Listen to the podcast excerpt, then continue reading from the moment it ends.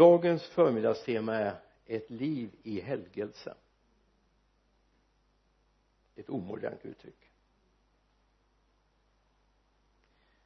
Men vi som är lite till åren vi vet att det till och med fanns ett samfund en missionsrörelse i Sverige som hette helgelseförbundet till och med. Och när jag växte upp på 50 och 60-talet så hörde vi mycket om helgelse helgelseförbundet hade en chefsteolog kan man väl kalla honom chefsideolog som heter Emil Gustafsson. Får du tag i hans böcker skulle jag rekommendera att läsa dem. Han skrev väldigt mycket sånger också. Sånger som präglas av överlåtelse av syndabekännelse om att gå med Gud. Han producerade mer böcker och sånger än de flesta i vårt land har gjort. Han blev bara 36 år innan Gud tog hem honom. Men han har lämnat ett enormt avtryck i svensk kristenhet. Ett enormt avtryck. Jag hoppas att de bibelord vi ska dela idag åtminstone ska lämna avtryck i våra hjärtan i första Thessalonikerbrevets femte kapitel vers 23 må fridens Gud själv helga er helt och fullt och må er ande, själ och kropp bevaras hela så att ni är utan fläck när vår Herre Jesus Kristus kommer.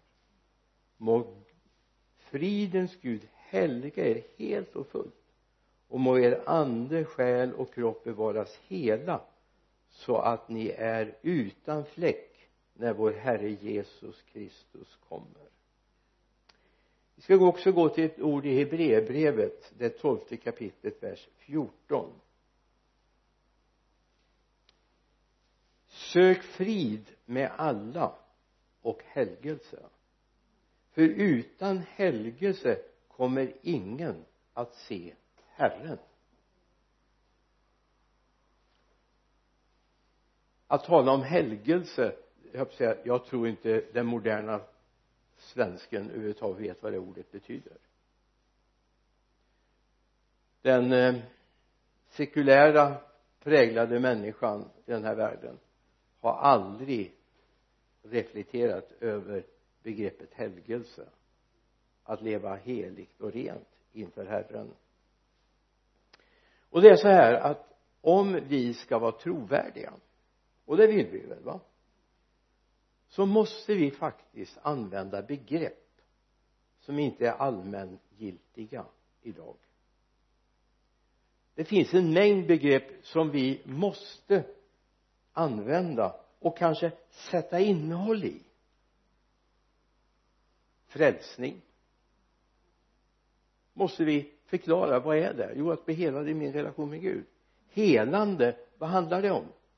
Ja det är inte först och främst bara kroppens helande utan det är hela min persons helande.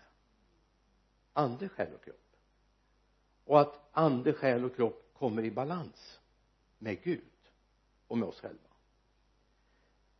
Rening genom Jesu blod. Alltså som barn tänkte jag så här. Ni vet att det står om eh, templet och i tabernaklet fanns det en plats som var det allra heligaste. Och det renades en gång om året med att man gick in och sänkte blod. När man har hållit på några år och inte gjort rent emellan så tänkte jag det här måste vara väldigt smutsigt. Eller hur? Det här är ett svårt begrepp men samtidigt handlar det om att renas på grund av det Jesus har gjort. Ett annat sånt där uttryck vi har uppfylld av helig ande. Vad är det? Jag hävdar att det är väldigt missförstått i vår tid. Till och med i karismatiska kretsar. Det handlar om känslor. Och läser vi Guds ord så handlar den heliga ande väldigt lite om känslor. Det handlar om nya personligheter nya livsstilar. Att leva helt och rent inför Gud. Gud fader, sonen Jesus Kristus. Att gå från död till liv. Ja det här är ett antal begrepp som finns i bibeln. Som vi måste ta på oss ansvaret att förklara. Jag vet att när man har gjort bibelöversättningar i olika, till olika språk så har man bytt ut som jag tycker centrala delar för att förklara det med det landets kultur eller dess lands begreppsvärld. Istället för att jobba med att lära människor vad det står för. Jag ska inte ta exempel nu. Vi kan bara ta ett exempel. Det är bibeln 2000 som faktiskt har gjort en sån tycker jag tragisk där man har tagit bort ordet frälst på de flesta ställen och skriver räddning. Och så har man gjort egentligen hela begreppet oförståeligt. Att bara räddas ja okej okay. men det kommer ett sedan också nästa steg som är den stora det är det, själva livsförvandlingen. Räddningen blir ju väldigt platt. Räddning finns elva gånger i nya testamentet. Det heter rymonai på grekiska. Elva gånger finns det och det är när man är ryckt ur fara.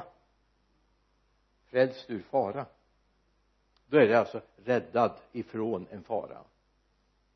Men för övrigt så är jag är helad i min gudsrelation. Så att det finns ett antal begrepp. Och så är det också med helgelse. Och då är det viktigt att vi försöker förklara vad handlar det om. Och att vi som Guds folk vågar ta tid och bearbeta det här. För helgelse är inte bara en sak som händer en gång utan det är en process jag går in i ända tills jag är hemma i himlen. Det pågår hela livet. Jag menar det är väl ingen som tänker så här ja men mina föräldrar tvättade mig en gång när jag var barn. Kanske de gjorde det till och med på BB någon snäll barnmorska eller sköterska tog hand om mig och tvättade mig. Sen behöver inte jag tvätta mig mer. Jag förmodar utan att gissa allt för mycket att ni har tvättat er allihop idag på morgonen. Och det är nödvändigt. Ni var ju tvättade redan som barn på BB det är samma begrepp du blev helgad men du ska leva i helgelse. Någonting som Gud håller på med. Helgelsebegreppet har också en annan sida. Det är hur vi ser på det gudomliga till exempel. När Jesus lär sina lärjungar att be i Matteus 6 vers 9 så står det så ska ni be vår far i himlen låt ditt namn bli helgat. Vad innebär det? Ja låt ditt namn bli alltså vi ska hålla hans namn heligt. Så alla skämt som appellerar på Gud och det heliga ska vi inte syssla med vi ska inte syssla för hans namn ska hållas heligt. I den judiska traditionen var till och med gudsnamnet så heligt så man glömde hur det skulle uttalas. Till slut till och med missade man hur det skulle stavas. Därför man använde sig bara av konsonanter. Det fanns inga vokaler. Och sen har vi anat att det kan vara en bokstavskombination. Men vi vet egentligen inte hundraprocentigt säkert därför man tappar bort det därför att Gud var så helig.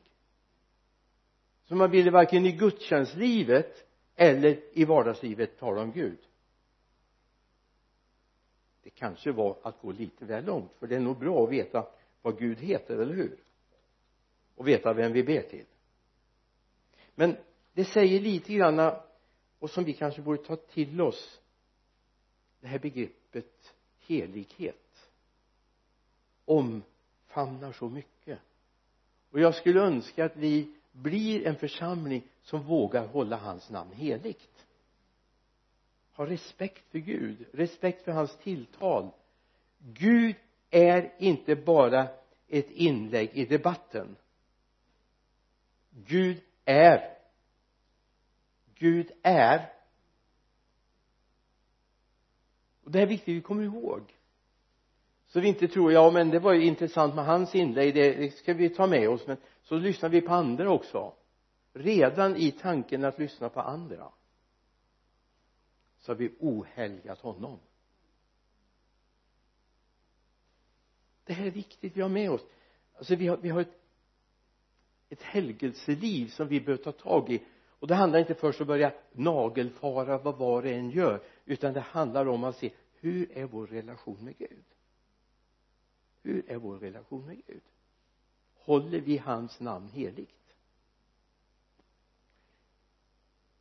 I Jakob 4 verserna 7 och 8 underordna er därför Gud.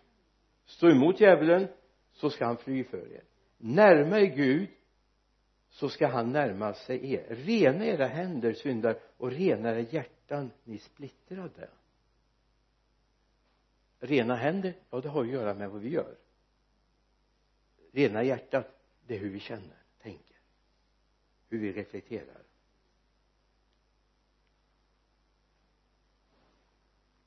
Helighetsbegreppet relaterar också till något annat och det är vår relation till Gud.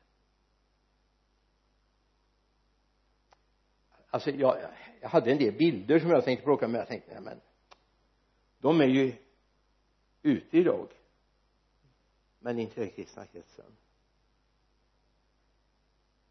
I världens ögon där vi ändå ska på något sätt presentera en helig Gud så är det inte otänkbart att man faktiskt har en partner men så har vi några till.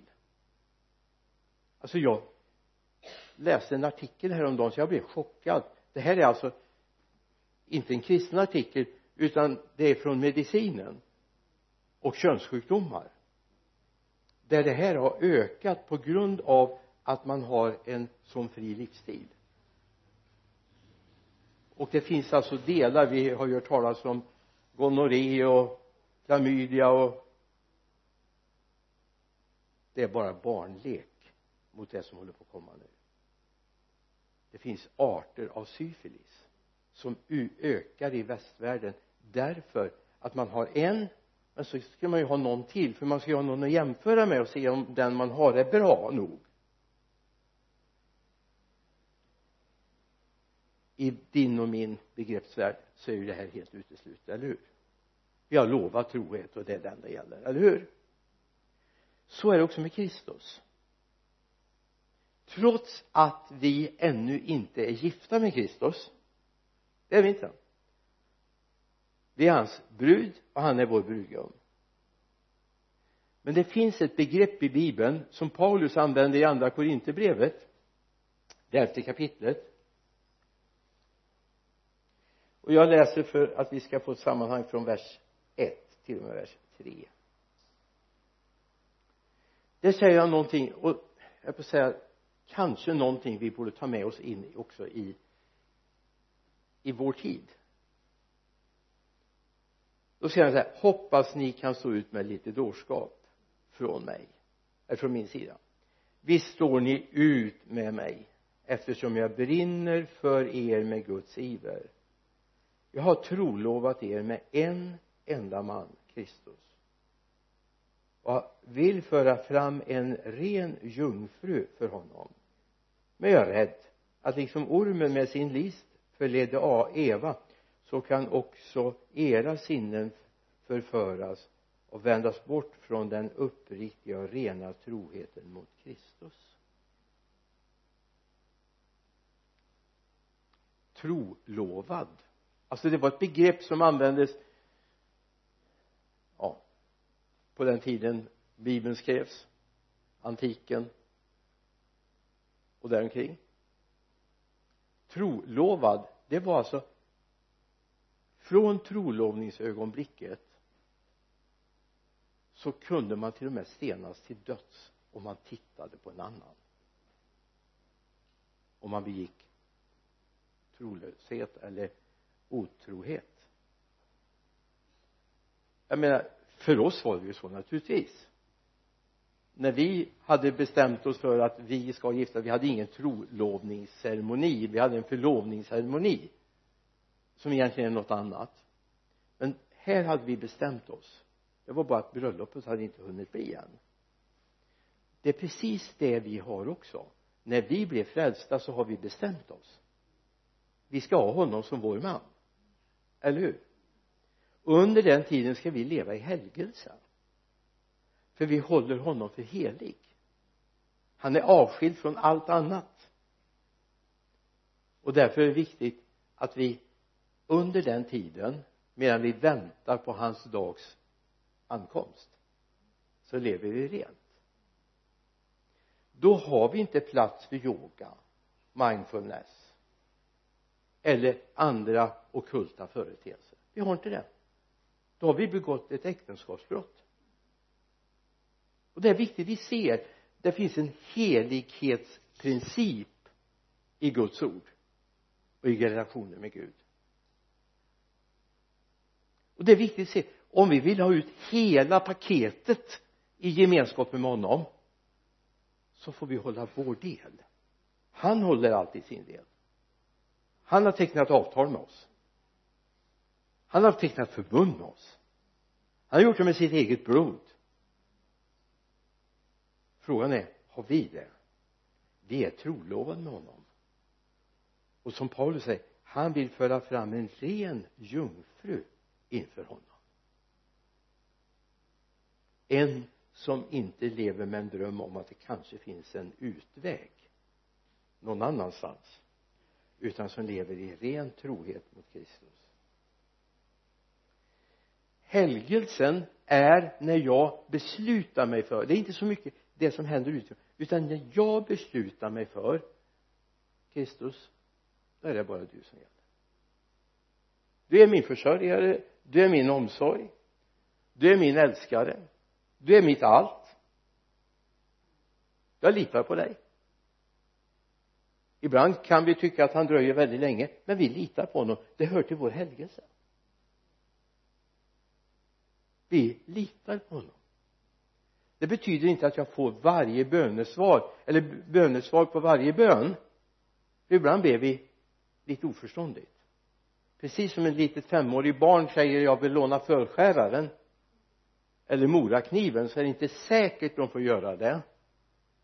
Åtminstone inte själva. För då får vi ha mycket plåster hemma.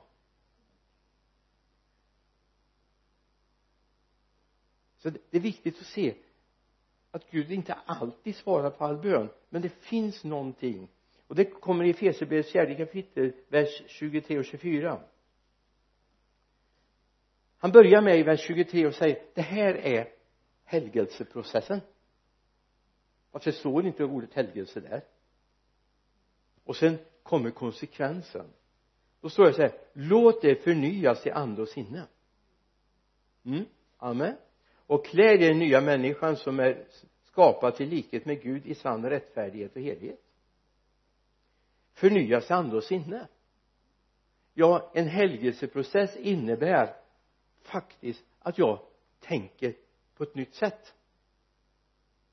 Det här kan vara jättejobbigt när jag kommer ur världen jag har blivit frälst. Alltså ibland kan det vara så här att vi har hamnat i bibeln 2000s termologi jag är räddad från någonting. Det kan vara missbruk det kan vara eh, dåliga vanor överhuvudtaget. Men jag får inte tag i nästa del där jag är rättfärdiggjord i honom. Jag är rättfärdiggjord. Jag är helgad. När jag har beslutat mig för att jag ska leva i helgelse då kommer Gud svara så här det är okej. Okay. okej okay, det fanns problem. Det fanns smuts i ditt liv. Men jag har tagit bort det genom blodet på korset. Du är renad. Du är gjord fri i Jesus Kristus. Så kom ihåg att vara kristen det är en 24-7 överenskommelse med Gud. Det är en 24-7 överenskommelse sju dagar 24 timmar varje dygn.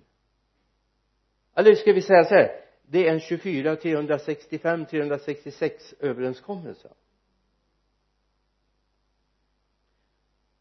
För helgelsen är ingenting jag går in och ur. Det är ingen svängdörr på den.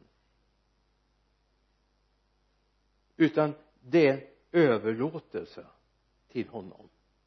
Sen svarar han för resten. Han ger mig ett nytt sinne han ger mig en ny personlighet. Och därför som jag känner att den heliga ande har väldigt mycket väldigt lite med ytliga känslor att göra. Ytliga uttryck det har framförallt med en förändrad personlighet. Där jag får vara ledd av den heliga ande mitt i vardagens jobbigheter. Lev i helgelse ständigt. Lev i helgelse ständigt.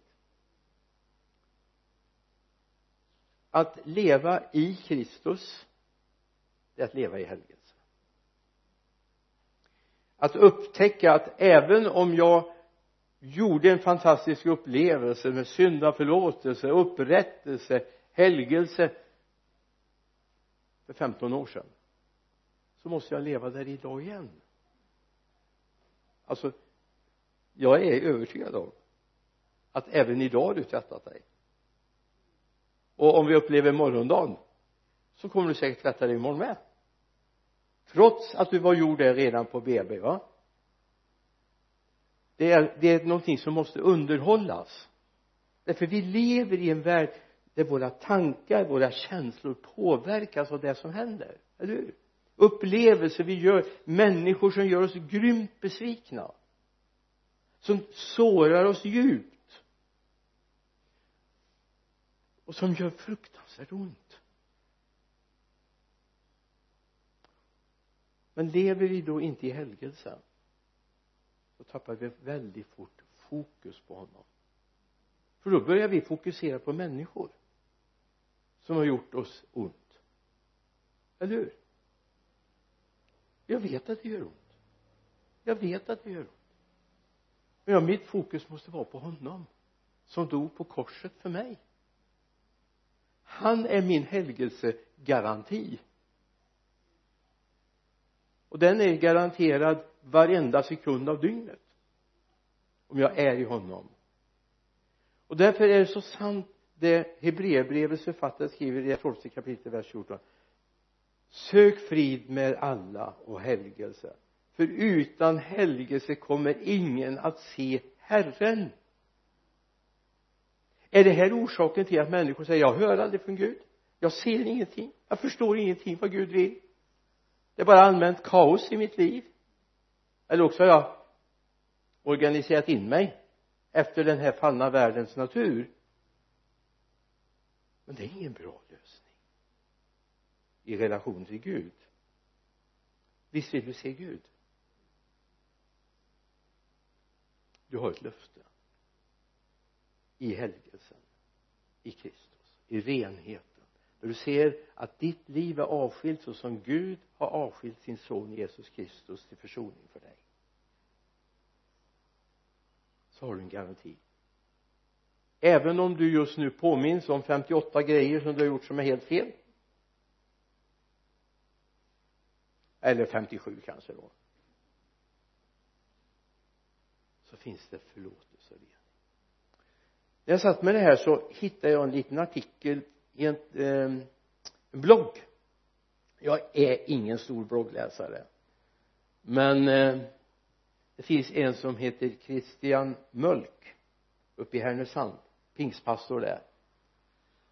Bibellärare ganska fascinerande människa egentligen. Kan ni följa honom så gör det.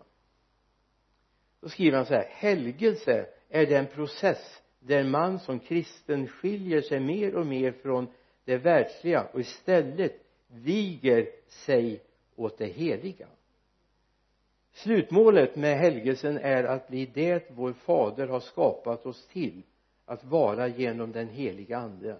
Forma oss så att vi blir mer lik Jesus. I helgelseprocessen samverkar man med den heliga ande för att sluta synda och istället göra gott. Christian Mölk i en av hans senaste blogginlägg. Finns också på hans hemsida. Väl värd att lyssna. Hade han inte varit bott så långt bort så skulle han ofta varit en gäst i vår bibelskola. Eh, det är lite långt att ta människor uppifrån Härnösand. Han flyttade för ett tag sedan. Tänkte jag yes nu kommer han ner. Då flyttade han från Timrå till Härnösand. Och det är bara några mil från två grannförsamlingar bytte pastor. Va? Skype ja.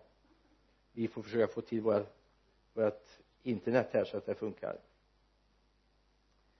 Helgelsen är alltså en ständig process där jag närmar mig det som Gud från början har tänkt om mig. Helgelsen har ett mål. Det här omoderna uttrycket har ett mål? Det är att du och jag ska bli mer lik Kristus. Amen. Det är väl underbart?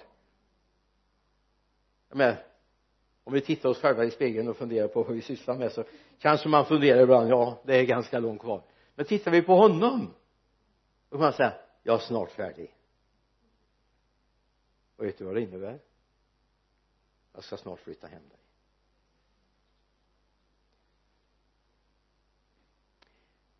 En annan liten sån här naiv bild då. Men jag försöker använda naiva bilder för att vi ska ha det med oss. När du cyklar eller kör bil vilket endera det ena eller det andra gör du ibland eller hur? Alla kör inte bil här det vet jag. Det är jag väldigt tacksam för. Bland annat för mig själv då. Så är det inte bara när man kör iväg som man tittar framåt utan man håller blicken framåt hela tiden. Eller hur? Det är därför vet ni vägverket har massa synpunkter på. Man får inte sätta upp vissa skyltar ute efter vägen och så vidare. Får inte stå för nära vägen får inte vara för stora. Därför att inte folk ska sitta och titta på alla reklamskyltar. Utan man ska ha koll på trafiken. För det kan ju hända att det är en ny bil som kör där den här gången än förra gången jag körde där. Eller har parkerat där så är det med det kristna livet med helgelseprocessen. Det är ständigt ha koll på Kristus. Alltså du måste börja varje dag med att säga Jesus nu är jag här. Hjälp mig att ha koll på dig idag. Hjälp mig att vara nära dig idag. Amen. Då kommer du inte kollidera med det oberäkneliga som är framför dig sen finns det en osund helgelseförkunnelse. Det är viktigt att ta hand om den. Den, den mera försöker få oss skenheliga. Alltså helgelsen och mitt tankesystem har egentligen inte så mycket att göra med andra människor att de ska tycka att jag är helig. Det handlar om honom. Och han ser mig 24-7 han älskar mig 24-7 han vill gå med mig 24-7 det är viktigt att se att det inte börjar bli att vi har en syndakatalog. Eller att vi försöker jaga människor till det yttre. Utan att vi snarare hjälper människor att återspegla Kristus. Vi ska kunna ta fler exempel. Vi kan ta andra Korinthierbrevets tredje kapitel verserna två och tre. Det skriver Paulus nej ni är vårt brev skrivet i våra hjärtan känt och läst av alla människor. Det är uppenbart att ni är ett Kristusbrev skrivet genom vår tjänst inte med bläck utan med den levande Gudens ande. Inte på tavlor av sten utan på tavlor av kött i era hjärtan. Alltså vi är ett Kristusbrev skrivet i våra hjärtan. Vi kan också tala om att vi är en, en, en väldoft som pekar på Kristus. Det är den vi ska ha fram att människor även när inte du och jag finns i närheten när vi inte har koll på vad de gör ändå ska vilja leva för Kristus älska att leva för honom, för honom. Sen vet vi att ibland kan det vara så här vi har det i profetböckerna bland annat. Hesekiel talar om det här att hon sa att allt står väl till. Och så kommer Gud och säger nej allt står inte väl till. Ni har en del att ta i. Vakna upp nu. Allt står inte väl till. Det är viktigt att vi är medvetna om att Gud faktiskt är han som är yttersta bedömaren av våra liv. Och det är honom vi har att lyda och hålla oss till. Helgelsen är också någonting som är viktigt. Ni vet någonting av det mest jobbiga vi kan drabbas av i vår kropp det är om vi tappar vårt immunförsvar. Och ni vet eh, antibiotika resistens och sådana här saker det, det är inte bra va? Helgelseprocessen är också vårt immunförsvar. Vårt andliga immunförsvar. Vill du leva rent och heligt då ska du vara rädd om helgelsen. För det finns också en förkunnelse som inte bara ormen har presenterat för Eva i Edens lustgård utan ormen håller på att presentera för människor i vår tid. Skulle då Gud ha sagt. Första Moseboks tredje kapitel. Du kan läsa de första fem verserna där. Skulle då Gud ha sagt att ni inte får äta och så vidare. Nu var det så här att ormen håller sig delvis till sanningen och delvis till en överdrift. Men Eva vet ju vad som är sagt ändå faller hon för frestelsen. Och är det någonting djävulen vår onde motpol i den här världen försöker det får oss att tappa fokus. Skulle Gud ha sagt? Skulle Gud tänkt? Ingår det här i Guds plan? Mm. Det tål att fundera på. Ingår det här? Vill Gud det här? Men Gud har väl inte sagt det det är viktigt att vi förstår Gud har sagt saker. Bibeln säger också att vi ska inte leva oskyddade på något område. Vi ska ha pejl på den onde så att han inte nästlar sig in i gemenskapen. Det försöker han. Det är mer än en församling som har rasat på grund av att det kommit in människor med egna ismer egna teologier, egna bibeltolkningar.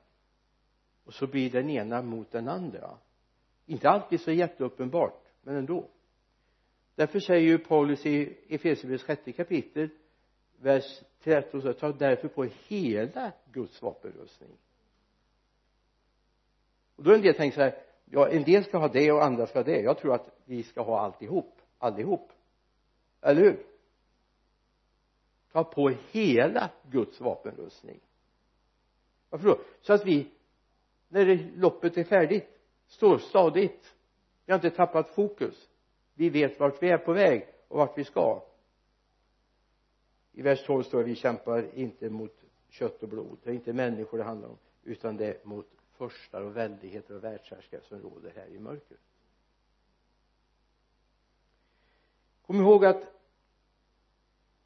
helgelse är inte lika med att jag 58 gånger varje dag talar om att jag är kristen. Det handlar om ditt liv. Det handlar om hur mycket Jesus får ha tillträde till ditt liv. Hur mycket får han ha tillträde till ditt liv? Dina känslor? Dina beslut? Dina tankar? Dina val? Vågar vi lita på att han faktiskt är vår försörjare? Vågar vi det? Ja men ibland kan vi vara upptryckta verkligen mot mot väggen. Jag har väl satt det förut men och det här är inte för att på något sätt förhäva oss utan det var omständigheterna som förde oss in i det här. 1994 sålde vi vårt hus. Och eh, vi skrev inte papper eh, men vi hade kommit muntligt överens om att de skulle tillträda om det var 15 augusti eller sista augusti jag kommer inte ihåg vilket nu. Och vi fick inte tag i någonstans att bo. Och så åkte jag till Halmstad och ni var ju med en del. Till Halmstad vi hade mötesserie jag var där 14 dagar ni kom sista helgen. Och då hade jag inte tid att hålla på och söka hus då var det mötena i tältmötena i Halmstad som gällde på Östra stranden. När vi kom hem och vi precis lyfter in väskorna så kommer vi ihåg vi har 14 dagar kvar att bo i huset. Vi hade några barn hemma också på den tiden.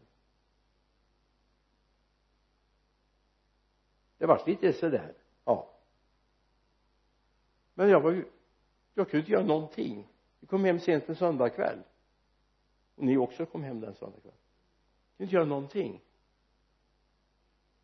Och jag var stressad. Kanske inte Birgitta hälften så mycket som jag men jag var görstressad. Och så insåg jag det här löser sig inte. Det här löser sig inte. I alla fall inte genom min förmåga eller på måndag morgon ringer telefonen från en fastighetsmäklare den som hade sålt huset åt oss. Och sa hur har det gått för har ni fått tag i någonstans att bo? Nej. Ja, jag har en lägenhet. Minns ni den bort på Kungsgatan? Det är den största lägenheten vi har bott i någon gång i livet.